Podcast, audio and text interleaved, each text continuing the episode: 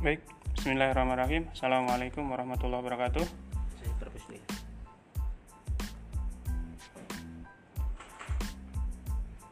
Baik, apa kabar semuanya? Baik, alhamdulillahirabbil Saya ucapkan terima kasih kepada anak-anak semua kelas 10 IPS 2 yang sudah bergabung ke kelas online ini. Ya, mudah-mudahan ke depan bisa lebih baik lagi. Nah, dalam proses negosiasi itu ada tujuan-tujuan yang harus ada. Yang pertama, ya, mendapatkan kesepakatan yang dinilai saling menguntungkan. Ya, dalam proses negosiasi tersebut harus saling menguntungkan antara pihak satu dan pihak lain. Ya, tidak bisa dalam proses negosiasi tersebut eh, satu untung satu rugi. Ya, itu namanya bukan saling menguntungkan, satu untung satu tertindas. Satu rugi ya, seperti itu. Yang kedua, Tujuan yang kedua adalah menyelesaikan masalah dan mendapatkan solusi ya ketika bernegosiasi menyelesaikan sebuah masalah tentunya antara pihak satu dan pihak kedua ya menyelesaikan masalah ya dalam bernegosiasi ketika kita menyelesaikan sebuah masalah ya bernegosiasi tentang menyelesaikan masalah harus mengedepankan sikap saling mengerti saling pengertian saling toleran ya tidak bisa mengedepankan sikap sikap ego kita Kenapa? Kalau kita mengedepankan sikap ego, jelas masalah tidak akan selesai. Ya, gitu. Yang ketiga, mendapatkan kondisi yang saling menguntungkan ya bagi setiap pihak yang bernegosiasi ya. Kalau yang pertama tadi kesepakatan yang dinilai saling menguntungkan, yang ketiga mendapatkan kondisi yang saling menguntungkan.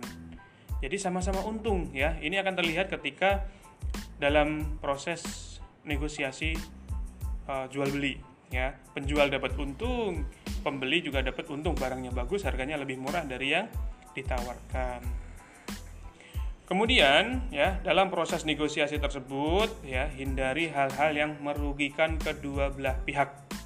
Ya hindari ya. Satu untung satu rugi ya itu berarti tidak bisa ya. Hindari hal-hal yang merugikan kedua belah pihak. Ya untuk itu uh, dalam proses bernegosiasi itu harus dilakukan secara santun ya. Cara melakukan pengajuan atau penawarannya uh, dalam bernegosiasi itu tidak boleh menekan pihak lain. Tidak boleh memaksa ya. Dalam proses jual beli itu tidak boleh ada paksaan. Misalkan nih kita sebagai pembeli ya nawar barang sambil mendondongkan pisau nggak bisa ya. Boleh nggak kalau segini? Nah, harganya segitu. Sambil mendondongkan pisau nggak bisa ya. Nggak bisa. Kemudian harus saling menguntungkan. Ya saling menguntungkan uh, mungkin disertai dengan alasan-alasan yang uh, menguatkan. Misal dalam proses negosiasi tersebut apa namanya uh, si penjual tadi memberikan alasan-alasan ini mangganya masih bagus masak di pohon ya. Bukan karbitan. Itu alasan-alasan untuk menguatkan uh, proses transaksi tersebut ya. Nah kemudian dalam bernegosiasi itu juga ada manfaatnya manfaat buat kita semuanya sebagai pelaku negosiasi atau sebagai negosiator tadi yang pertama itu terciptanya jalinan kerjasama ya ketika bernegosiasi negosiasinya berhasil terjadilah jalinan kerjasama yang uh, yang baik ya, yang baik kerjasama yang baik, kerjasama yang menguntungkan untuk memperoleh tujuan bersama ya. Dalam proses kerjasama itu kan kedua belah pihak pengen untung ya, pengen mewujudkan tujuan bersama dalam proses kerjasama tersebut, dalam negosiasi tersebut ya. Jadi dalam uh, negosiasi itu manfaat yang pertama itu terjadi jalinan kerjasama yang baik, yang bagus, yang erat, ya, untuk memperoleh tujuan bersama. Mungkin kalau dalam jual beli tujuan bersamanya, tujuan utama dari seorang penjual itu mendapat untung, tujuan utama dari seorang pembeli itu mendapatkan harga murah dan harga di bawah, uh, harga bisa di harga di apa namanya uh, di bawah ya dari yang ditawarkan tadi. Ya, kalau dalam kerja dalam kerjasama itu dalam pekerjaan mungkin uh, pihak satu dan pihak dua sama-sama uh, pekerjaannya menghasilkan tentu material atau uang atau sebagainya. Begitu ya. Yang kedua manfaat dalam bernegosiasi. Terjadinya rasa saling pengertian antara pihak yang bernegosiasi ya. Ya seperti yang sudah saya sampaikan dalam bernegosiasi itu mengedepankan sikap saling kerja uh, saling meng, saling pengertian ya saling pengertian ya mengesampingkan sikap ego ya. Jadi dalam bernegosiasi ketika kita mengedepankan sikap saling pengertian sikap uh, mengesampingkan sikap ego itu akan menjalin rasa saling pengertian antar pihak ya pihak satu dan pihak kedua tentu dalam bernegosiasi seperti itu ya.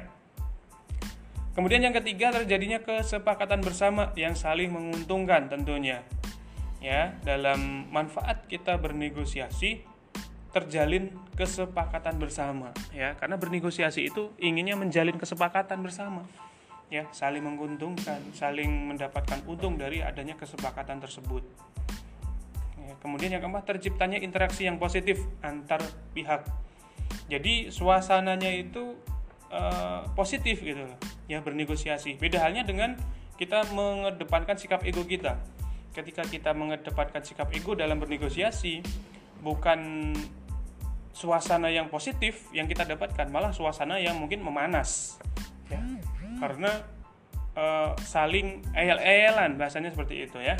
Saling keras kepala ya karena ego tadi saling mungkin bahkan saling uh, apa ya saling uh, menyalahkan orang lain nah menyalahkan lawan lawan apa namanya lawan negosiator kita itu malah bukan jadi negosiasi jadinya malah jadi berdebat nah ya saling menyalahkan orang lain jadi dalam bernegosiasi kita punya manfaat uh, beberapa manfaat yang tercipta dari proses negosiasi tersebut, tersebut ya.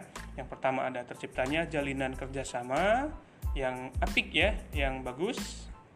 Kemudian yang kedua terjadinya rasa saling pengertian. Yang ketiga terjadinya kesepakatan bersama yang saling menguntungkan. Dan yang terakhir terciptanya interaksi yang positif antar pihak ya. Jadi kalau bahasanya itu si uh, sikap sosialnya bagus ya dalam bernegosiasi interaksi sosialnya bagus, bisa terjalin kerjasama dengan baik, ya. Jiwa sosialnya bagus, ya. Dia punya jiwa sosial yang bagus. Nah, itu cocok untuk uh, menjadi negosiator atau pelaku negosiasi, ya. Nah, mungkin uh, materi itu yang bisa saya sampaikan. Baik, uh, itu saja materi yang bisa saya sampaikan untuk materi-materi yang belum ada dalam bab ini atau belum ada yang saya sampaikan di sini, kalian bisa belajar dari sumber-sumber lain, dari browsing, dari Google, atau mungkin dari buku-buku referensi lain, atau mungkin dari teman kalian mungkin berdiskusi bisa ya. Eh, belajar itu tidak bisa tidak hanya dari mata pelajaran yang disampaikan oleh Bapak Ibu guru di sekolah, namun jauh lebih luas lagi kalian bisa belajar dari sumber-sumber lain yang terpercaya. Itu saja yang bisa Bapak sampaikan. Uh, apabila ada kekurangannya, saya mohon maaf.